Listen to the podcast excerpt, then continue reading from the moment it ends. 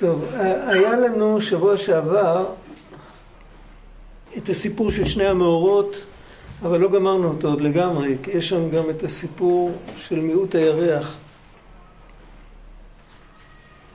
הסיפור הזה בכלל לא מוזכר בפסוק, מוזכר רק במפרשים ובמדרשים, וזה בנוי על דיוק בפסוק. בפסוק ט"ז של פרק א' כתוב ויעש אלוהים את שני המאורות הגדולים את המאור הגדול לממשלת היום ואת המאור הקטון לממשלת הלילה ואת הכוכבים. מה זה שני המאורות הגדולים? ומיד אחרי זה אומר אחד גדול ואחד קטן. אז uh, ברש"י כתוב, הוא מביא מהמדרש, הם נבראו גדולים ואחר כך מיעטו, מי שקטרג, uh, עשו לו ככה, הוא נהיה קטן. מה המשמעות של זה? אז במשמעות הפיזית יש מישהו שמסביר, למרות שזה רק משל כל זה וזה, אבל הוא מסביר שהיה גם משהו שהירח נברא לכתחילה עם חומר יותר אוורירי, יותר שקוף. ואחר כך הוא קיבל עכירות. זה, זה רק בשביל להסביר את המשל יותר טוב. אבל בעצם הרעיון, הרעיון שעומד מאחורי זה, וקצת נגענו ברעיון שבוע שעבר, אה, גם כשהירח נראה לנו בשמיים באותו גודל כמו השמש, וגם אם הוא ייתן אור כמו השמש, וגם אם הוא יהיה תמיד שלם, אנחנו תמיד נבחין שהוא רק השתקפות של אור והוא לא נותן אור מעצמו. איך שלא נהפוך את זה, הירח אף פעם לא נברא כדור של אש. איך שלא נהפוך את זה, זה השתקפות. השאלה זה רק,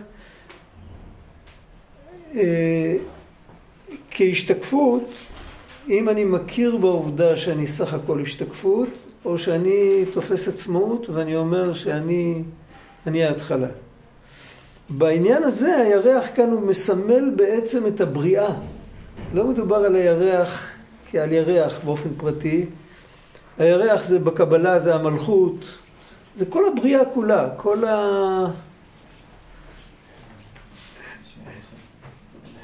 איזה ברכה, מברכים עליך.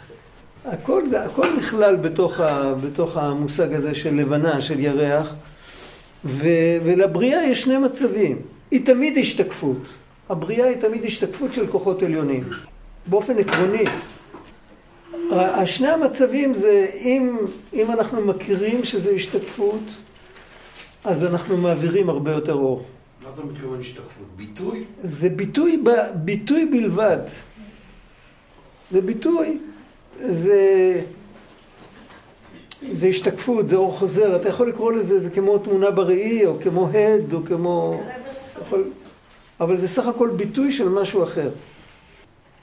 אנחנו לא מרגישים את עצמנו כביטוי של משהו אחר. כשבן אדם אומר אני, אז זה אני עד הסוף. אני, אני, אני. אנחנו לא, בכלל לא מרגישים את זה שאנחנו כאילו ביטוי של משהו אחר. ו, ו, ולכן אנחנו מסתירים. זה כמו קיר שעושה צל. קיר מזכוכית, המולקולות שלו, המבנה המולקולרי של קיר מזכוכית, שהוא לא מסתיר את האור. הוא מסתיר את הרוח, הוא מסתיר את הקור, אבל הוא לא מסתיר את האור.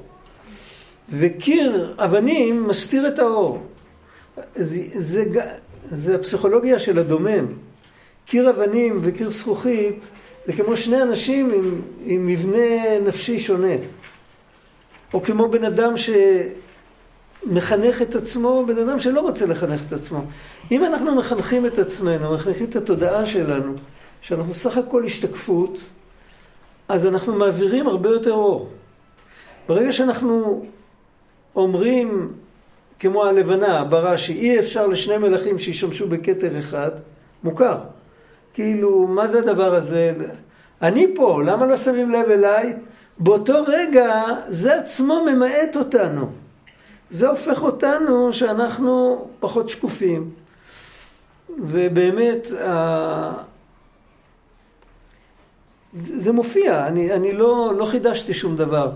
אנחנו רואים במציאות שלנו, במציאות היומיומית, אם נקיים את כל המצוות של התורה, ואנחנו נשמור על כלאיים ועל תפילין ועל הכל, נעשה את הכל מתוקתק, נבנה בית מקדש, הכל, הכל, הכל, אבל אין כאן שום נקודה של שינוי הטבע, הכל בתוך הטבע. אנחנו בתוך הטבע יכולים לפעול כך, יכולים לפעול אחרת. איפה רואים שינוי למעלה מהטבע? כשכל הדרך, כל, הכל נסגר, עומדים מול איזה בעיה, מישהו חולה, מישהו לא מרגיש טוב, מישהו התרסק כלכלית או זה, ומתפללים. כשמתפללים אפשר לשנות את הטבע. פתאום אתה מקבל תשובה, אה, פתאום נפתח משהו. אתה לא עשית, כשלמדת תורה וכשקיימת מצוות, לא פתחת פתח למקום שהוא למעלה מהטבע. כשאתה מתפלל, אתה פותח פתח למקום שהוא למעלה מהטבע. זה ברור? עכשיו, מה אתה עושה כשאתה מתפלל? כשאתה מתפלל אתה אומר, אני לא יכול, אני מבקש עזרה. כשאתה מקיים מצוות אתה לא אומר, אני לא יכול, אני יכול. כן המפקד, ודאי, אני יכול ואני אעשה. וכשאתה לומד אז אתה אומר, אני מבין. כשאתה מתפלל, אתה הופך את עצמך למשהו שקוף. זה, זה תיקון, אנחנו מבקשים לתקן פגימת הלבנה. זה תיקון של פגימת הלבנה. זה התיקון של אין שני מלכים משמשים בכתר. באמת, אני מסכים, אין שני מלכים משמשים בכתר אחד. אני לא מלך. אני רק תמונת ראי של המלך.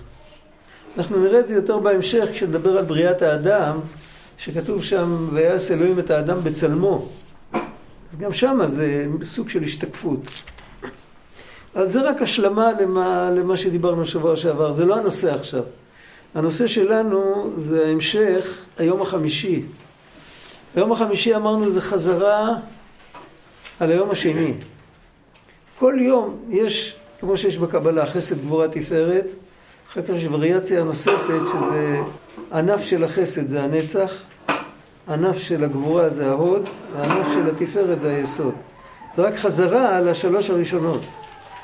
אותו דבר בימי הבריאה, היום הראשון זה חסד, יש עליו חזרה ביום הרביעי. מה חז... למה זה חזרה על היום הראשון? מה נברא ביום הראשון? האור. מה נברא ביום הרביעי?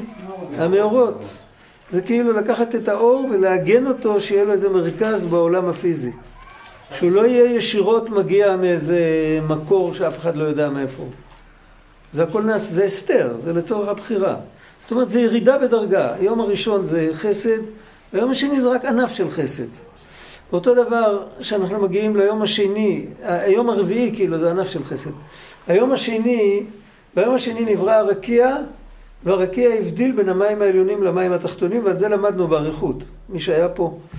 עכשיו, המים התחתונים, הם קיבלו את השלמות שלהם ביום החמישי. מה קורה להם? הם מתחילים לייצר חיים. החיים יוצאים מהמים. עד היום חיים תלויים במים, יותר, חוץ מחמצן, אז החיים תלויים במים יותר מאשר בכל דבר אחר. זה השלמות של המים. אה? אפשר לשאול שאלה? כן, בטח. מה התועלת בזה שאנחנו לא שקופים? מה התועלת? בזה שאנחנו לא שקופים. אה, התועלת זה שיש להם את השקיפות לקבל על ידי בחירתם. למה אנחנו בוחרים לא להיות שקופים? אה, מה הם מרוויחים מזה? מה להם התועלת? זה מפחיד. זה מפחיד, אבל זה לא מפחיד באמת. אה, יש סיפור בחיי מאורן, זה לא סיפור שקרה, זאת אומרת זה סיפור שרבנו סיפר פעם בחנוכה, זה כמו סיפורי מעשיות כזה. על אה, אורח. על אורח שנכנס לבעל הבית, ויש פה למישהו אולי בתיק חיי מאורן במקרה, כאילו אין מקרים, אבל בספרייה בטח אין. אז אה, זה ספר מלא, מלא דברים שצריך לפענח אותם. זה ספר לא פשוט בכלל.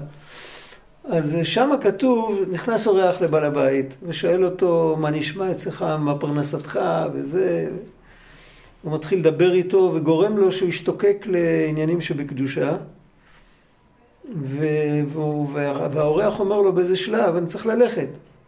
אז נורא, הוא אומר לו, תלמד אותי עד איפה אני צריך ללוות אותך. אז הוא אומר לו, עד אחרי הדלת. ואז הוא מאוד פוחד, הוא אומר, הוא, הוא כזה בן אדם מיוחד, האורח הזה, מי יודע איזה, איזה יכולת יש לו. כל זמן שאני פה בין בני אדם, אני בתוך הבית, אז אה, בסדר. נצא החוצה, חושך, זה סופר בחנוכה, הסיפור הזה. שם הימים עוד יותר קצרים מאשר פה. נצא החוצה, מי יודע מה הוא יעשה לי. הוא פוחד, אבל הוא הולך. וכשרק וכש, יוצאים את הדלת, הוא לוקח אותו וטס איתו באוויר. הוא טס איתו באוויר והוא יורד איתו בין שני גבעות, הוא מראה לו כל מיני דברים וזה. ובאמצע, באמצע שהוא טס באוויר איתו, אז הוא רואה, הוא רואה את עצמו כמה פעמים יושב בבית גם. ואחר כך הוא מסביר לו שאני נתתי לך אה, נפש, השארתי לך את הנפש שלך, ורוח ונשמה נתתי לך של עולם יותר גבוה, ולכן אתה פעם פה, פעם שם. אבל בסוף לא כתוב שהוא פוחד. בהתחלה, כשהוא בתוך הבית, הוא פוחד לצאת. כי לפי מצב התודעה שלו עכשיו, לצאת החוצה, לצאת מהבועה, זה מפחיד. אחרי זה הוא צוחק על עצמו למה הוא פחד. כי הוא רק מרוויח מזה. אבל כרגע אני פוחד. היה פעם מישהו, היה סיפור, זה היה שיגעון. זה היה, היה מישהו שפעם הבאה הגיע, אני לא יודע מה, מה גרם לו לעשות את זה. הוא הגיע ואמר בשם איזה רב גדול שסמכו עליו, על הרב הזה. היה בן אדם רציני ואחראי. הוא בא ואמר, רבן הפלוני אמר שעוד עוד יומיים יבוא משיח. כולם פחדו. מה יש מה לפחד? אין מה לפחד, אבל כשאתה הולך למקום יותר רחב עם פחות גבולות, זה מפחיד. חוסר הגבולות, הגבולות שומרות עליי, הן מצד אחד הן מחניקות אותי, מצד שני יש לי את הטריטוריה המוכרת, ששום דבר לא מפחיד אותי. ברגע שמורידים לי את הכל, עכשיו להתחיל להיות שקוף, זה, זה מפחיד. כאילו, מה זה נקרא להיות שקוף? לא, יש, יש, יש היום חבורה של פסיכולוגים שקוראים לעצמם שקוף, אני לא מדבר על זה. להיות שקוף זה להבין שאני סך הכל השתקפות של משהו יותר גבוה. שאני לא זה מה שאני רואה בעצמי. אני לא אני ואפסי עוד. זה מפחיד אותי. אני אוהב את הידוע ואת המוכר ואת ה... מי שזוכר את השיר על המעיין?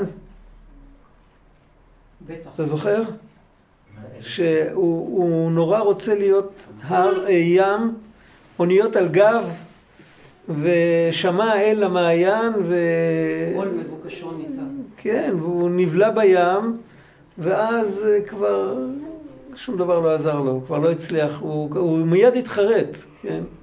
אבל זה שיר של מוחין דקטנות. לפי ההסתכלות, האמת שהמעיין הוא הפך להיות חלק מהים, אז הוא רק נהיה יותר גדול. הוא הפסיק להיות עני. זה ברור? אז הוא הפסיד את הגבולות, הוא הפסיד. אבל אם אנחנו מזדהים עם הגבולות, וכל המציאות שלנו זה רק הגבולות, ברגע שנפסיד את הגבולות, אז זה כמו שיבואו לאחד מאיתנו פה, יציעו לנו, יציעו לנו להיות צדיקים נסתרים. מה דעתך, יציעו לך להיות צדיק נסתר. מצד אחד אתה מרוויח, אתה, אתה עולה בדרגה, אתה יודע, עם כל ההיסטוריה שלך, אתה תהיה צדיק. מצד שני, אף אחד לא יתייחס אליך. אתה לא יודע אם הבן אדם הוא בן אדם פנימי, עם משקל, עם אישיות אמיתית, אז uh, הוא ירצה. אם בן אדם, כל, ה, כל המהות שלו זה רק מה שמחייכים אליו,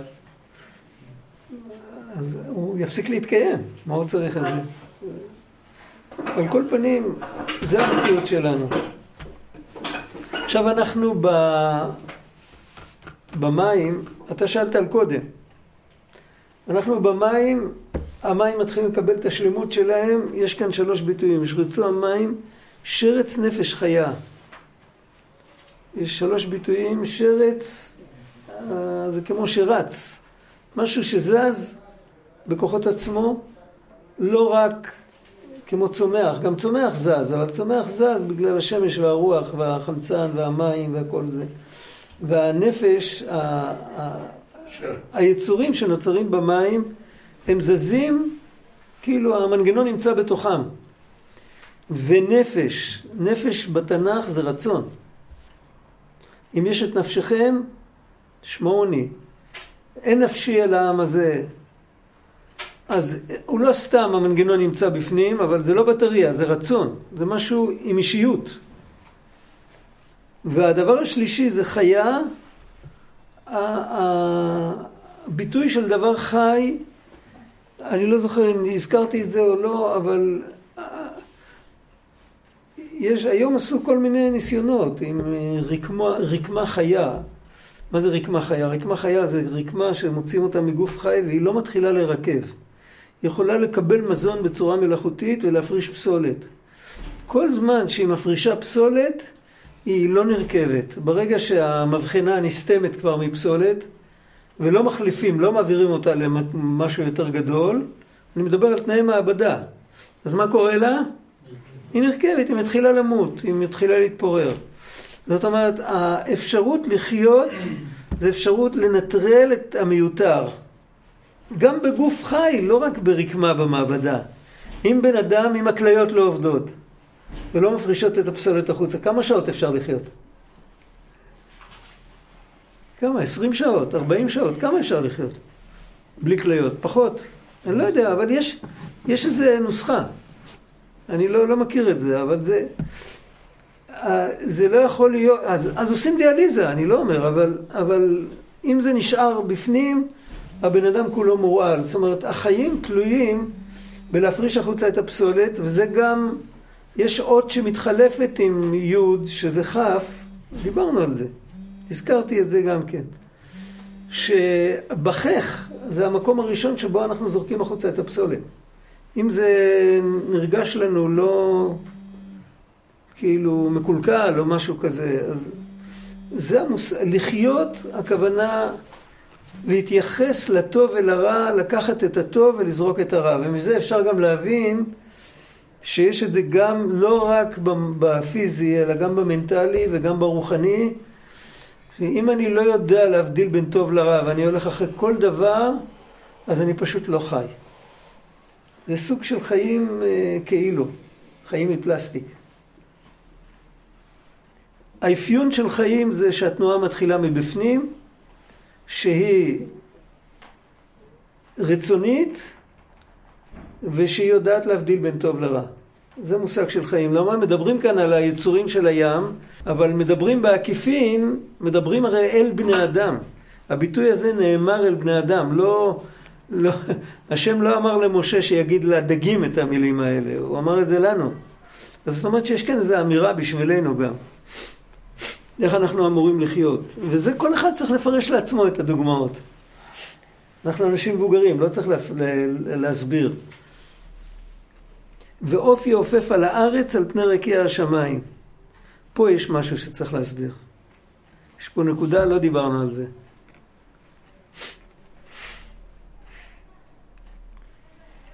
אנחנו אומרים לשאת תפילה. מה זה לשאת?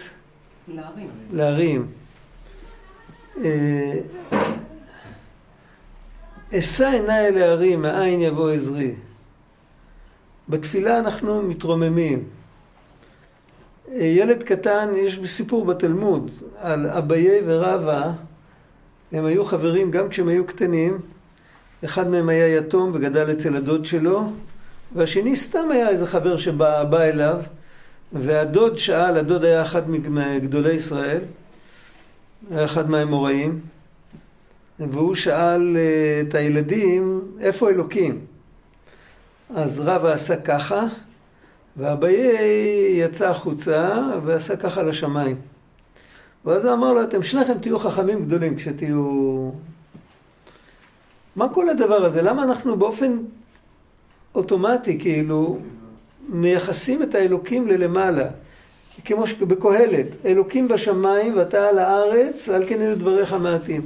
מצד אחד אומרים לנו מלוך על הארץ כבודו, ואין לך מקום שאין בו אלוקות, ואין אין לך מקום שהוא ריק מהאלוקות. מצד שני תמיד מדברים על הלמעלה. המושג של למעלה בפיזיקה זה הפך כוח המשיכה. זו התחושה. למה אם אני עומד על הראש אני מרגיש שאני לא עומד, אני לא עומד נכון? כי כל אדם יורד לי לראש. כוח, כל ההבדל, אם אני אהיה במקום שאין כוח משיכה, אין כוח משיכה, לא מלאכותי ולא טבעי, אז אם אני אעמוד על הראש, אז, אז זה יהיה נכון. אם אני אעמוד על הרגליים, אז זה יהיה נכון. הכל נכון. יש מרכז כובד באמצע כדור הארץ, והמרכז כובד הזה גורם לנו שאם אנחנו עומדים עם הרגליים לכיוון המרכז כובד זה יותר נוח. ולעמוד זקוף זה מאמץ. אם בן אדם היה כל היום על ארבע היה מתאמץ פחות. היה סוחב פחות קילו כלפי מעלה. לעלות על הר, לעלות על מדרגות, לעלות על סולם, זה מאמץ. למה זה מאמץ? להפך כוח המשיכה. עכשיו, ההכרה שלנו מזהה, אולי זה אפילו התת הכרה, אני לא יודע, ההכרה שלנו מזהה שיש משהו שמושך אותנו לאדמה, ויש לנו את הכוח להתגבר על הדבר הזה. הכוח הזה שמתגבר על זה, הכוח הזה, הכוח, היכולת שלנו להתגבר על מה שמושך אותנו לאדמה, עם הכוח הזה עצמו אנחנו יכולים להתקרב לאלוקים. זה ברור? זה, איזה כוח זה? איזה, איזה כוח, איך, קורא, איך צריך לקרוא לכוח שגורם לנו שאנחנו יכולים להתגבר על כוח המשיכה? איזה כוח זה? מנתק אותך. לנתק, כן. מה זה, מה זה הכוח הזה? זה הכוח שאני שולט, אני, אני שולט בתנועה שלי, ואני לא עושה, אני לא... למים אין את הכוח הזה. לאש יש. גם לאש אין את הכוח הזה. מה? היא עולה למעלה. האש עולה למעלה בגלל שהיא יותר קלה מהאוויר, האוויר יורד למטה, הוא דוחף אותה למעלה. אבל את הכוח ואת הרצון היא לא נפש חיה.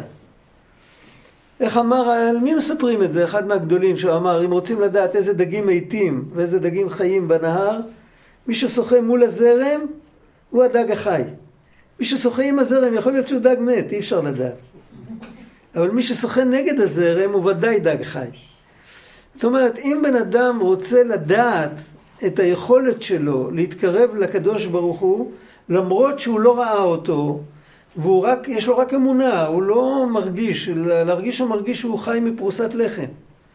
אף על פי כן הוא, הוא רוצה להתחבר לשורש האמיתי, יש לו הכרה שזה השורש האמיתי. התכונה הזאת היא תכונה שהיא מתנגדת לכוח המשיכה. גם את כוח המשיכה אני, אני תופס עכשיו בצורה מנטלית, לא פיזית. לא מדובר על כוח המשיכה של, שלומדים ב, בכיתה בפיזיקה. המשיכה של האדמה זה המשיכה ל, לדברים הארציים, שהם לא רעים, אבל הם כובלים את האדם. הם נותנים, מכניסים בו איזו התניה. ככה אפשר ואחרת אי אפשר. והבן אדם שיכול להתגבר על זה ולהרחיב את ה... הבן אדם הזה, הוא מתקרב לאלוקים. בשביל זה אנחנו ספונטנית, בלי לשים לב, כשאנחנו מתפללים, אנחנו, יש לנו מין תנועה כזאת גם בגוף. אנחנו לא חושבים על זה, אנחנו לא יודעים מזה. אבל הנפש מרגישה את זה. ואנחנו, כשאנחנו קטנים, או, או קטנים בתודעה, אומרים, איפה האלוקים? האלוקים בשמיים. הכוונה זה להתגבר על ה... איך אומרים? לחתוך את העוגן. בלון הליום. איך אתה שומר עליו? אתה קושר אותו לאיזה עמוד.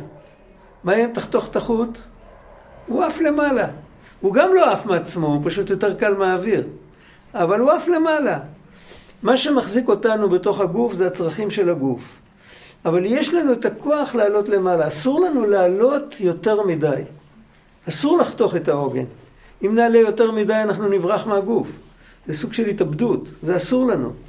אבל מה שכן מותר לנו זה להרים איתנו את הגוף עד היכן שאפשר. זה, זה מותר לנו, זה בגבולות שלנו. זה המשמעות. העוף יעופף, אנחנו רואים שאת העופות, העופות נבראו רק עם שני רגליים. האדם נברא עם ארבע גפיים, והוא יכול ללכת על ארבע. לעוף קשה ללכת על ארבע. הגפיים העליונות שלו הם באופן עקרוני כנפיים. ולכן חז"ל דרשו על העוף יעופף, עוף זה מיכאל, ויעופף זה גבריאל. מדובר על מלאכים בכלל. מה הם רצו לרמז בזה? שיש אפשרות גם לעלות, זה לא המכנה המשותף הזה שהכל באמת הם באו מהמים ובאו מהאדמה והכל, אבל אפשר גם לעלות. רק אצל המלאכים זה הטבע שלהם. אצל החיות זה ככה, איך שהם נבראו ככה הם נשארים. לנו יש בחירה, אנחנו יכולים לעלות ולהעלות ואנחנו יכולים לרדת. אנחנו נראה את זה יותר כשנדבר על האדם. ועכשיו ההמשך של הסיפור, ויברא אלוהים את התנינים הגדולים, את כל נפש החיה הרומסת אשר שחצו המים למיניהם, ואת כל עוף כנף למיניהו, וירא אלוהים כי טוב. למה התנינים הגדולים כתובים לחוד? שהמדרש, אה, כי, כי עבדו אותם עבודה זרה. בני ישראל שקיבלו את התורה, מאיפה הם באו? מצרים. ממצרים. במצרים אחד מהאלילים היה התנין. פרעה קרא לעצמו התנין הגדול הרובץ בתוך יאוריו. היה הדגשה מיוחדת שגם את זה, זה נברא ביחד עם, ביחד עם כל, ה, עם כל השרצים ועם כל ה... עם הצפרדעים והקרפדות, אז נברא גם אחד כזה גדול יותר.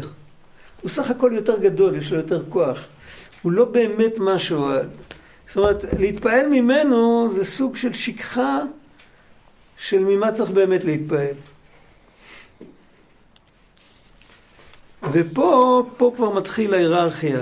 ויברך אותם אלוהים לאמור, פרו ורבו ומילאו את, הימים, את המים בימים והעוף ירב בארץ. זו הברכה הראשונה שכתובה בתורה. פעם ראשונה שכתוב שאלוקים מברך מישהו, זו הברכה שקיבלו העופות והדגים והתנינים וכל ה, היצורים האלה של המים. גם העופות יצאו מהמים, ככה זה יוצא פה. מקום אחר כתוב שהם יצאו מהאדמה, אז כתוב שהם יצאו מהאדמה, אבל ממקום שיש הרבה מים. זאת אומרת, בעיקרון הם יצורי מים. המבנה, המבנה הגוף של, העוף הוא דומה לדג. יש בזה... אולי אני אראה לכם על זה פעם גם מצאו משהו. מאובנים של אה, כן, פטרוזאורוס כזה. כן. יש כזה... של מה? פטרוזאורוס כזה. זה כן. זה הכל, על כל פנים, מה הברכה? מעניין אותנו עכשיו, הברכה, מה זה הברכה הזאת? כתוב בספרים, כן? יש ברכה ל... אני אגיד, אני רואה תנין, או... לא, יש ברכה על קוף נגיד, אז יש יהיה- ברכה גם על... לא, אין ברכה, על? זה אין ברכה. לא, יש על קוף, על קוף, אנחנו נדבר על זה כשנגיע, אם נגיע, אם נגיע אי פעם לדור הפלגה, דור הפלגה זה בסוף פרשת נוח, אחרי הזה, כתוב, אה, ש- ויפץ אותם אלוקים על פני כל הארץ. יש מדרש שאנשי דור ההפלגה, חלק מהם, חלק ניכר, כך, אחוזים כאלה די גדולים, ירדו בדרגה והפכו להיות קופים. לא כתוב שם שכל הקופים באו משם. היו קופים גם קודם. אבל הם ירדו והפכו להיות קופים. כך כתוב במדרש. ולכן כשאנחנו רואים קוף, אנחנו מברכים משנה הבריות. כי בעצם אנחנו רואים בן אדם שחטף. הפוך מדרווין, והפוך. כן. היה אדם, נהיה קוף. כן, כן, כן. לא, לא כל הקופים נהיו מבני אדם. זה בעצם נס, כי בדרך הטבע זה לא יכול להיות. זה לא, בדרך הטבע לא יכול להיות שמקוף יהיה בן אדם ולא יכול להיות שמאדם יהיה קוף. מי שמבין בפיזיקה, ב, איך קוראים לזה, בגנטיקה, מבין שזה זה לא יכול להיות. אבל חז"ל גילו לנו, הם אמרו שהשם עשה נס. וגם הבול 40 יום זה לא כל כך בדרך הטבע, כל הדברים האלה. השם עשה נס, וחלק, חלק, חלק כאלה שהיה, היה, זה גם לא אומר שהקופים של היום הם צאצאים של הקופים ההם. יכול להיות שזה משהו חד פעמי, איזה נגלה אחת של קופים, יכול להיות שלא היה להם המשך. אבל הקוף של ימינו מזכיר אותנו את הסיפור הזה, ואז זה, זה סוג ברכה של, אה, כמו דיין האמת. זה ברכה עצובה. זה, זה כשם שמברך על, על הטובה, כך מברך על הרעה. והאמת שכשמסתכלים על קוף, זה מעורר רחמים. הוא כל כך דומה לבני אדם, ובכל אופן הוא קוף. יש כאלה שיגידו שהוא חי יותר טוב מבני אדם, זה גם נכון. כולם חיים יותר טוב מבני אדם. חוץ מאלה שבני אדם תפסו אותם לגן חיות. אבל, אבל, אבל מצד שני, עדיף, אנחנו לא נרצה להחליף אותו. אנחנו לא רוצים לחיות יותר טוב ולהיות כמוהו, בשום אופן. זאת אומרת שאנחנו רואים פה משהו שמאוד מאוד, כאילו רואים את הפוטנציאל המבוזבז. אז על זה, זה קינה, זה לא ברכה, אבל זה, זה לא שייך לברכה הזאת בכלל, זה סוג אחר של... הברכות שאנחנו מברכים והברכות שאלוקים מברך, זה שני עולמות. אני שאלתי את זה מהצד של ההתפעלות, כדי ש... כן, שאולי יש בסדר. מקום כאילו להתפעל מהתנים בתור בריאה מרשימה, כן, כמו הר אוקיי. גבוה. אבל אין על זה, אין על, אין על, אין משנה הבריאות על, על, על קרוקודיל, אין, לא, לא מופיע. יש ברכה על על הים הגדול. לא, לוויית- לא, על הלוויתנים. אפשר, אפשר, כן, אבל. אפשר, בשולחן ערוך, הוא מדבר על ברכות הראייה. אתה מבלבל את כולם פה. לא, כי הרב אמר ש... בסדר, אבל כן, זה לא אוקיי. הנושא. אוקיי. אה, אנחנו מדברים על ברכה, מה המשמעות שאלוקים מברך בעל חיים מסוים? מה המשמעות שלו? כתוב במפרשים שהמשמעות של ברכה זה לתת אה, שלטון. אך עכשיו כשיש בעלי חיים, הם צריכים שלטון כדי להתקיים. הם צריכים טריטוריה והם צריכים מזון. הבעלי חיים הימיים לא יוצאים ליבשה לקטוף אה, שזיפים מהעץ. הם צריכים את כל, ה, את, את כל המזון שלהם, הם צריכים לשלוט אחד בשני. יש איזה מיקרואורגניזם כזה במים שהדגים הקטנים אוכלים אותם, זה גודל של אפס. ואז הם, הם עצמם הופכים להיות מזון ליותר גדולים ויותר גדולים, וככה זה ממשיך. ו, וכל אחד כדי להתקיים הוא חייב לשלוט, וזו האפשרות שלו להתקיים. אז זו הברכה הראשונה, זה השלטון של הבעלי חיים. אחר כך נראה שיש עוד ברכות. יש כאן עוד ברכות בהמשך, יש ברכה של האדם ויש ברכה של השבת. וכתוב פרו ורבו ומילאו את המים בימים והעוף ירב בארץ. אנחנו נצטרך עוד לחזור פעם לזה, יש כאן, יש כאן עוד דיון במשמעות של הבעלי חיים שבתוך המים, המשמעות של בעלי חיים שמחוץ למים, מה זה אומר לנו, כל הדברים האלה? למה התורה צריכה להתייחס לזה? התורה יכולה לדבר בבת אחת על הכל, כאילו. השם ברא כל מה שזה, אז נקודה. אם התורה מספרת, בכל דבר כזה יש איזה סיפור. מתחבא כאן סיפור, אבל לא בדיוק עכשיו. אני לא רוצה למשוך את זה יותר מדי ארוך. ויהי רביעי בוקר יום חמישי, מה מגיע עכשיו? השישי. השישי צריך להיות חזרה על השלישי. מה קרה בשלישי? בשני כבר נפרדו המים העליונים מהמים התחתונים. מה קרה בשלישי? נראתה היבשה? ואחרי זה גם הצמחים. עכשיו, ב... בשישי מופיעים הבעלי חיים היבשתיים. לא הדגים והעופות, אלא אלה שהם... הבסיס שלהם זה היום השלישי.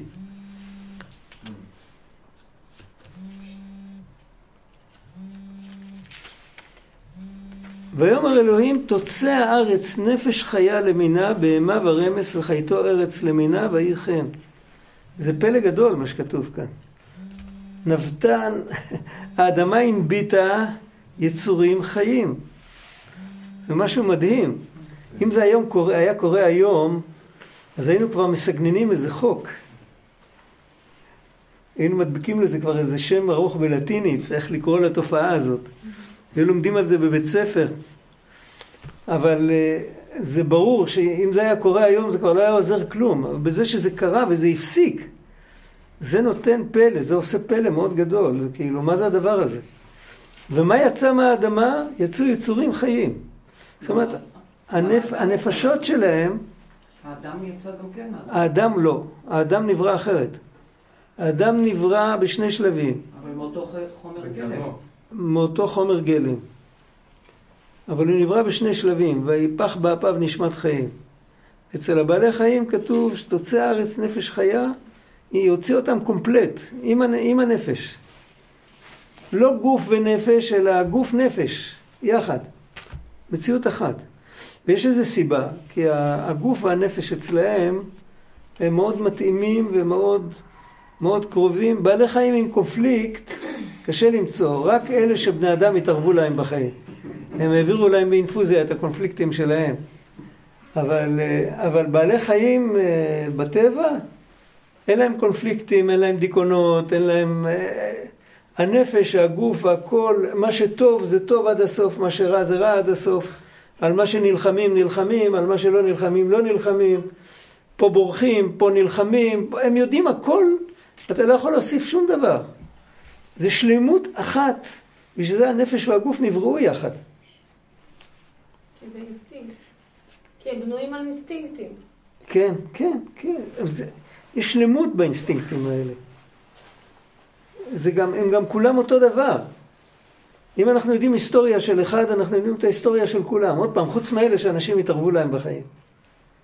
אבל לא צריך להכיר אלף אריות בשביל לדעת איך אריה מתנהג. אבל בני אדם, אנחנו מכירים בן אדם, אנחנו מכירים את השכן שלו, מה פתאום?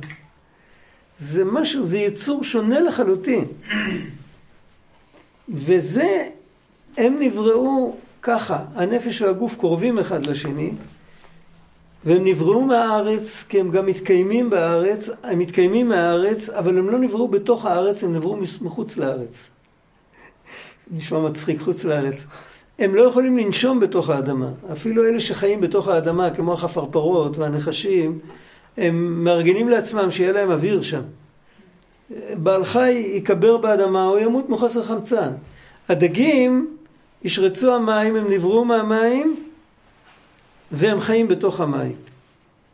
זאת אומרת, אפשר לחיות בתוך המקום שממנו נבראנו, אפשר לחיות סמוך למקום הזה מבחוץ.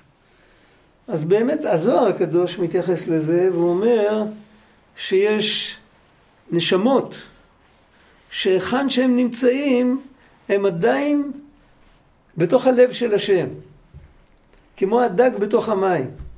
אנחנו משתמשים גם, זה גם ביטוי ספרותי, הוא מרגיש שם כמו דג במים. כן.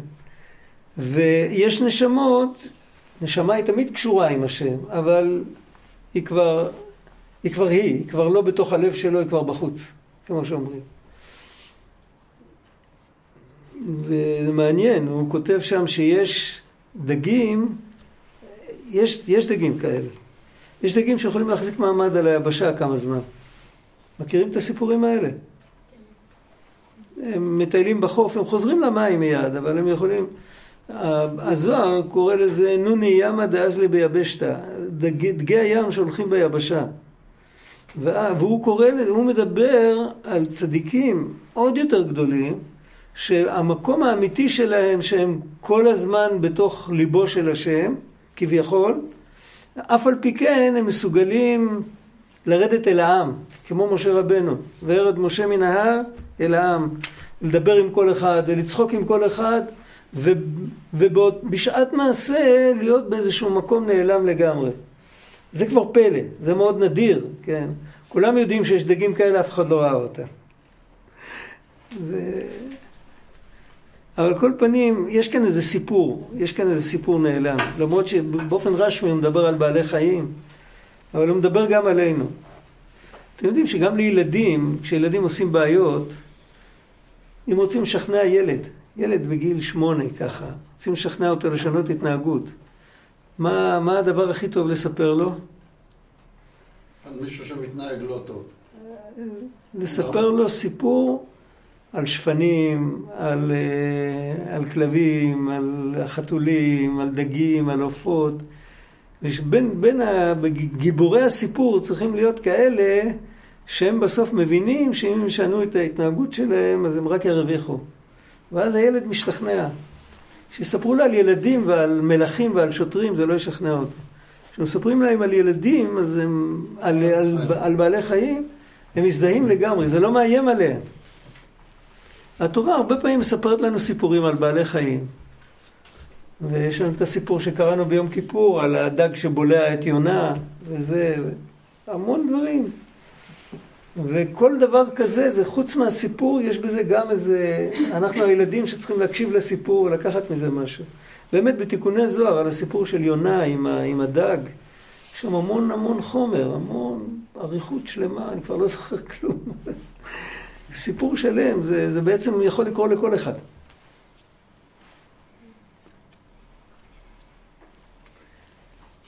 אז זה האמירה, תוצא הארץ, אחר כך כתוב ויעש אלוהים את חיית הארץ למינה, ואת הבהמה למינה, ואת כל רמס האדמה למינהו, זה חוזר על עצמו, הלמינהו, פעם היה לנו את זה בצמחים, ש, שכל אחד יצא למינהו, היום אנשים עושים הנדסה גנטית, הורסים את העולם, מי שיש לו קצת פרספקטיבה, יקבלו עגבניות כאלה, מישהו סיפר שמנסים להנדס את האבטיחים, שיהיו מרובעים, שיהיה יותר קל לנייד אותם. ייכנסו יותר על המשאית. אבל, אבל הם לא מבינים שמבחינה אמיתית הם רק עושים נזק. ואותו דבר, כל, ה, כל ההכלאות בין בעלי חיים, רואים את זה שהצאצאים הם כבר לא פוריים יותר. כן, בפרד. כן. והכל, בעצם, ה... כל התורה כולה זה הלימינהו של עם ישראל. זה ברור. למינהו? כן, למינהו. כל התורה, כל, ה... כל הדרך של ה... זה שנתנו לנו את הארץ ואת התורה ואת ה... את כל ההתנהלות היהודית, זה ה... כאילו השביל, אלא היות שאנחנו בני אדם אז אנחנו יכולים לבחור. אבל זה בעצם ה... זה כמו שכל צמח צריך את האקלים שלו ואת ה... אתה לא יכול לשתול, אה, לגדל תפוזים בירושלים. תרד לבקעת הירדן, אתה יכול לגדל תפוזים כמה שאתה רוצה. בירושלים לא יגדל לך. אפשר, אפשר, תפוזים יש. בעט, צריך לעשות הרבה מניפולציות כדי אי שזה אפשר יגדל. מנגו. מה? אי אפשר מנגו. מנגו אי אפשר, בננות אי אפשר. לא יצמח? תפוזים, אה, לא יצמח? זה יצמח, אז זה לא ייתן פרי, יפלו- יפלו הפרחים ברוח, או שהקור לא לא ייתן להם להבשיל, או... אתה לא יכול- אבוקדו יש יש עוד מקומות ש... יש מקומות שזה יותר נמוך, יש פחות רוח, יש הרבה שמש, וזה, אז אפשר. זה נקרא מיני אקלים, יש דברים כאלה. אבל באופן עקרוני, כל צמח צריך את בית הגידול שלו, וכל עם צריך את המקום שלו. הכל מתערבב במשך הזמן, אבל היהודי, המקום שלו זה התורה. התורה מקיפה את היהודי מהרגע שהוא נולד עד הרגע שהוא מחזיר את הנש- את הנשימה האחרונה לקדוש ברוך הוא. זה המקום האמיתי שלו. ארץ ישראל, פיזית. עוד פעם, וארץ ישראל גם. ארץ ישראל, זה, ארץ ישראל מופיעה בתורה. אם לא התורה לא היינו יודעים מה ארץ ישראל בכלל. ארץ ישראל זה מצווה בתורה, זה אחד מהתרי"ג מצוות, זה, זה שצריך להיות פה. כן, כן, אבל יש, יש את ה... סתם, נגיד, הגר"א המפורסם, שכשאנחנו בגלות אנחנו בבית קברות. כן, זהו. פה אנחנו באמת חיים. כן, כן, כן. רק, ש, רק שבאמת ננצל את זה. הרב, כן, יש קושייה מאוד חזקה. קושייה. כן. אה, יש לך ראש יהודי, מה אפשר לעשות? לא לא יודע, אולי אתה צריך לחשוב על זה, אולי אתה... יש קושייה שאומרת שהקדוש ברוך הוא פישל, בכל יום של הבריאה הוא פישל משהו. הוא חיסל, פישל. פישל. כן, ביום הראשון הוא פישל עם האור, היה צריך לגנוז אותו. ביום השני- ביום השלישי הוא פישל, מה זה היה? עם העץ פרי. ביום הרביעי עם הירח. יום חמישי עם הלוויתנים, עם התנינים. יום שישי עם האדם. כאילו גם כל יום הוא פישל. אוקיי, וביום שני? יום שני אני לא זוכר מה הוא פישל, אבל הוא גם לא, פישל. ביום שני לא נגמר, לא. ביום שני, יום שני לא לא נגמר מלאכת המים, אז... אה, אוקיי. אוקיי. בגלל זה הוא נעצר. אוקיי, עכשיו, למה זה? אתה שואל למה זה? אם יש לך איזה... לא, השאלה למה זה היא לא שאלה, השאלה היא מה הוא רוצה להגיד לנו בזה. אוקיי. אז אה, זהו, זה זה באמת, אפשר הרבה לדבר על זה. אתה לחצת על התקלות כפתור. בעצם, התקלות. כן, לא רק, זה גם נכון, גם זה נכון. גם זה נכון, אבל אתה לחצת על כפתור שצריך לתת לזה זמן. כן. זה עוד סוגיה. אה, זה עוד סוגיה. אתה יכלת להוסיף גם עוד כמה דברים מהממד הרוחני. אתה יכול להוסיף את שבירת הכלים. זה, זה הכל על אותו, על אותו דרך. ואת שבירת הלוחות בהמשך, ואת החורבנות. צריך להסביר את הכל, בסדר, יגיע לזה יום. עכשיו בסוף, וירא אלוקים כי טוב, בסוף פסוק כ"ה, אחרי שהוא עשה את חיית הארץ, את הבהמה ואת הרמס, וירא אלוקים כי טוב, מה המשמעות של זה? אותו דבר לפני זה כתוב ויהי חן, דיברנו על זה פעם, המשמעות של זה שזה צריך לקבל את האישור הסופי כדי להמשיך להתקיים. אם יום אחד הוא יראה שזה לא טוב, אז זה יחזור להיות עין ואפס כמו שזה היה בהתחלה. ופה בפסוק הזה כתוב את מה שכתוב בספרי החסידות, שקדוש ברוך הוא בורא את העולם בעצם כל הזמן. זה מופיע בתוך הפסוק, וירא אלוקים כי טוב. אחרת זה מיותר, מה צריך להגיד את זה? מחדש מעשה בראשית. מחדש מעשה בראשית, שם כתוב בכל יום. ופה משמע שזה כל הזמן, זה... עכשיו אנחנו פוגשים את עצמנו, הנה הגענו, הגענו לכאן. ויאמר אלוהים נעשה אדם בצלמנו כדמותנו וירדו בדגת הים ובעוף השמיים ובבהמה ובכל הארץ ובכל הרמס הרומס על הארץ. בואו נראה את זה מילה מילה. אה, בינתיים אין לנו עדיין את שם הוויה ואנחנו נסביר את זה מתי שיופיע שם הוויה. צריך להסביר על פי הפשט למה, למה שתי השמות האלה. אה, בינתיים זה הכל אלוקים, והוא מדבר בלשון רבים. הוא, והוא לא מדבר על הארץ. עד עכשיו הוא דיבר, ישרצו המים, תוצא הארץ, כאילו הוא מצווה לארץ שהיא תוציא. פה הוא אומר, אנחנו נעשה אדם בצלמנו כדמותנו. מי זה אנחנו שנעשה אדם? מי זה הלשון רבים הזה? כתוב ברש"י שהקדוש ברוך הוא מדבר עם המלאכים. המלאכים כבר נבראו, אמרנו עוף יעופף, עוף זה מיכאל, אה, יעופף זה גבריאל, הוא מדבר עם המלאכים ואומר להם, נעשה אדם? והם אומרים לו לא. יש איזה כמה סגנונות בכמה מאמרי חז"ל. סגנון אחד שהם אמרו לו, לא כדאי, הוא יחטא. סגנון אחד שהם אמרו לו, הוא שקרן. כן, זה צדק מי זה היה שם. המלאך האמיתי אמר, הוא שקרן. המלאך של החסד אמר, צריך לברוא אותו. הוא יעשה חסדים. כמה שהוא ישקר, אבל הוא יעשה חסדים. זה, זה אגדה שחז"ל מספרים לנו, צריך להבין את זה לעומק.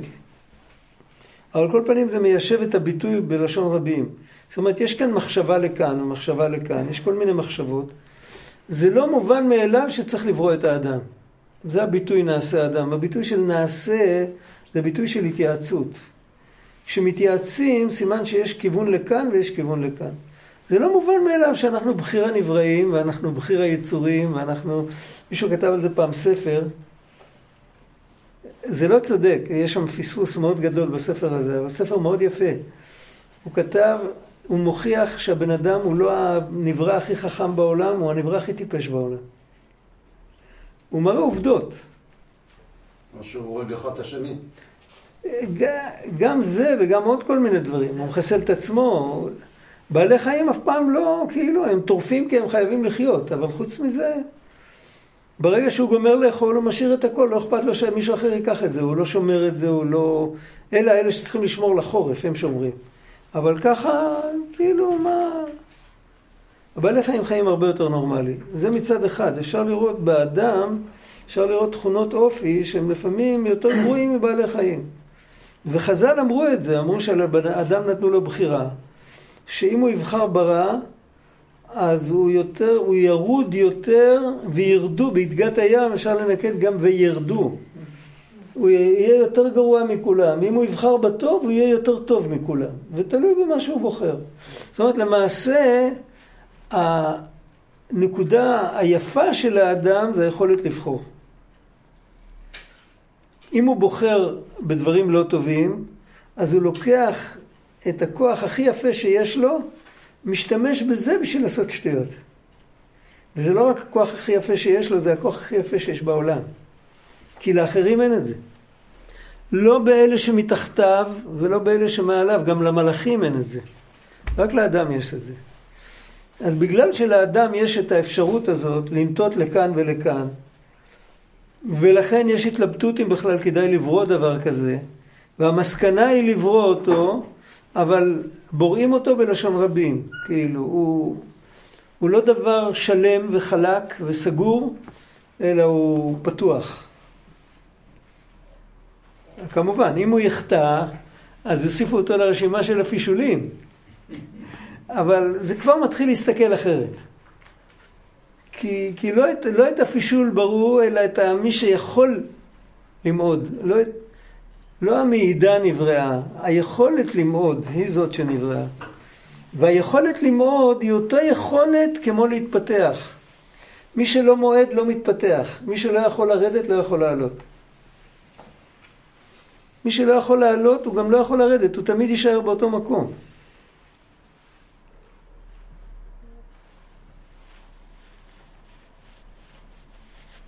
רואים את זה, קשת. ואנחנו במרכז. יכול להיות שהקשת שלנו היא כזאת קטנה. יכול להיות שקשת כזאת. תמיד אנחנו במרכז הקשת. אם אנחנו יכולים ללכת כלפי מטה קצת, אז גם כלפי מעלה אנחנו יכולים ללכת קצת. הקשת היא קשת קטנה. ככל שאנחנו מתרחבים יותר, אם בן אדם יכול להגיע למדרגה מאוד עליונה, אותו בן אדם גם יכול להגיע למדרגה מאוד נמוכה. זה הולך ביחד. ואז הבחירה שלו היא הרבה יותר קשה, כי הוא רואה הרבה יותר דברים. אם הוא עומד במקום יותר גבוה, הוא צריך לבחור טיול. ומשני הצדדים יש נוף יפה. ולפעמים הצד הזה, ששם האוויר מורעל, מושך אותו יותר מאשר הצד הזה, שיש מים זקים. הוא לא רואה את זה, הוא רק רואה את היופי של הנוף. זה המשל. ככל שבן אדם עומד יותר גבוה, אז כלומר, ככל שיש לו פוטנציאל יותר מפותח, אז הספקטרום של הבחירה שלו יותר גדול.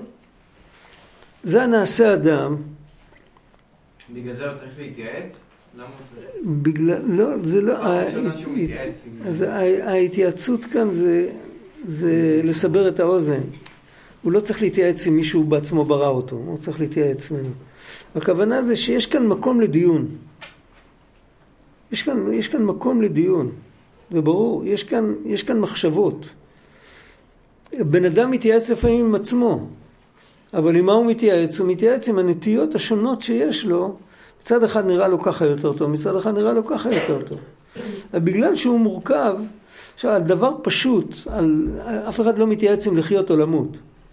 אבל על דבר מורכב, אז שייך להתייעץ. האדם זה היצור המורכב. אז לכן, יש פה סברות לכאן וסברות לכאן. מה המסקנה? המסקנה היא שהאדם צריך להיברא, ולא סתם. מי שטוען שהאדם לא ייברא, אז הוא טוען גם שצריך לסגור את כל העולם. כי האדם זה התכלית. אז זה שיש למישהו אחד בחירה, לסוג אחד, יש לו בחירה, זה התכלית של כל מה שנברא מסביב. כל מה שיש מסביב זה הכל לאפשר לנו את הבחירה. זה קודם כל, הבחירה היא, הבחירה הראשונה היא פה. רואים את זה בעיניים. איך להסתכל על דברים. האם להסתכל עליהם כעל מובן מאליו, ושאני יכול לעשות פה מה שאני רוצה, או להסתכל על דברים כעל מתנות. ואיך אומרים, ללכת על קצות האצבעות, לא, לא ללכת ככה, כאילו אני בעל הבית. זה הבדל גדול בנפש. אם בן אדם בוחר ככה, אז הוא מקלקל את עצמו, הוא מקלקל את העולם. אם הוא, הולך, אם הוא, אם הוא בוחר אחרת, הוא מתקן את העולם. ואנחנו נראה את ההמשך, זה, זה עדיין, הרעיון הוא לא שלם, הרעיון של הבחירה הוא לא שלם עד שלא מכירים יותר טוב את היצרים ואת היצריות, מה זה אומר. אז אנחנו נפגוש את זה בהמשך, אבל בינתיים, בינתיים זה מספיק להבין את זה, שאדם הוא יצור מורכב. מצד שני, הנטיות שלו מאוד מורכבות, מצד שני, יש איזו שלמות בנפש של האדם. זה לא שהאדם הוא בלגן, הבן אדם הוא לא בלגן, הבן אדם זה יצור מאורגן ומסודר, מאוד מסודר. מאוד, אה, להפך, האדם הוא דמות של כל העולמות. איך כתוב? אה, האדם הוא עולם קטן, והעולם הוא אדם גדול. אדם עולם קטן? האדם הוא עולם קטן. כל אדם הוא עולם מלא. אז זאת אומרת שהאדם זה יצור אחדותי, מאורגן, מסודר, הוא עולם, הוא שלם, הוא יחידה שלמה. הנטיות שלו הן מאוד מורכבות, הוא יכול לקחת את כל המערכת שלו לכאן ולכאן. אבל הוא בעצמו דבר מאוד שלם, ולכן הוא נקרא בצלמנו. הצלם, צלם זה לא מה שקוראים היום לצלם, היום מדברים על צלם, מדברים על תמונה פיזית של משהו. כשמדובר על צלם בתנ"ך, מדובר על ארגון של כוחות בצורה מסוימת, זה נקרא צלם. יש בקבלה מושג שנקרא סוד הצלם. זה מין אה, מארג של כוחות, כל נשמה, מה זה סוד הצלם בתנ"ך, בקבלה? כל נשמה יכולה לרדת לעולם הזה, יכול, יכלה לרדת לפני אלף שנים ויכולה לרדת עכשיו. אפילו אם אותה נשמה תרד פעמיים, היא כל פעם מוצאת עולם אחר. יכול להיות שנשמה ירדה לפני אלפיים שנה באיזה כפר נידח, ועכשיו היא צריכה לרדת אה, במאה ה-21, לרדת תוך נשמה של בן אדם אה, שחי בניו יורק, בתוך כל המודרניזציה. אם, אם לא ייתנו לה איזה מתאם בין הכוחות של הנשמה לבין מה שקורה בעולם באותו, באותו זמן, היא לא תמצא את ידיה ורגליה. זה הצלם. יש לכל נשמה, יש עטיפה רוחנית, שזה הצלם, שדרך הצלם הזה היא מתלבשת בגוף, ודרך הצלם הזה היא מקרינה את כל הכוחות שלה החוצה. הצלם זה לא, לא התמונה הפיזית של הבן אדם, לא איך שאיזה אף יש לו, אלא הצלם זה הארגון של הכוחות, איך הוא מארגן את הכוחות שלו. יש לו עדיין בחירה, למרות שהוא קיבל צלם, אבל עם הצלם הוא יכול לעשות מה שהוא רוצה. הצלם זה כמו על מה הוא נוסע. כן, לפני אלפיים שנה הוא נסע על גמל, היום הוא נוסע עם, אה, עם מטוס פרטי. אבל הבן אדם נוסע, ותלוי לאן הוא נוסע, זה לא כל כך חשוב עם מה הוא נוסע, כמו שלאן הוא נוסע. אם הוא נוסע לעשות את הטוב או שהוא נוסע לעשות את הרע. אז, אז זה, זה, בצלמנו זה כאילו שהאדם הוא תעתיק מהמארג של הכוחות, שעל ידי זה נברא כל העולם כולו. אם ירצו לתת לזה פורמה אנושית, אז זה ייראה כמו בן אדם. וככה אנחנו מוצאים בתיקוני זוהר.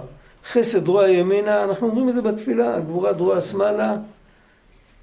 אז כאילו מתארים את כל העולמות העליונים על צורה של בן אדם, זה היה בצלמנו. מה זה הקדמותנו? הדמות זה, ה... זה כבר דרגה אחת יותר נמוכה. זה רק דמיון. זה רק דומה. זה לא הדבר בעצמו, זה רק דומה. ופה צריך ללמוד, זה בעצם הצלמנו והדמותנו, זה כמו עולם האצילות ועולם הבריאה, ואחר כך בנפש זה כמו הנשמה עם הכוח המדמה, עם הנפש הבעמית.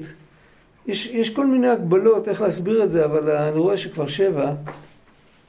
אז בואו בוא, בוא נתחיל את הנעשה אדם עוד שבוע, מה יכול להיות? אולי עוד שבוע נבין יותר טוב, וגם אה, צריך עוד להסביר את כל ה... האמת שיש לזה הרבה בליקוטי הלכות בכל מיני מקומות. ו... העולם נברא עם חריקות. זהו, איפה, איפה אפשר לראות את זה? אם אני אזכר מראה מקום, אני אגיד לך. טוב. תודה רבה. תודה רבה לכולם. תפילת ערבית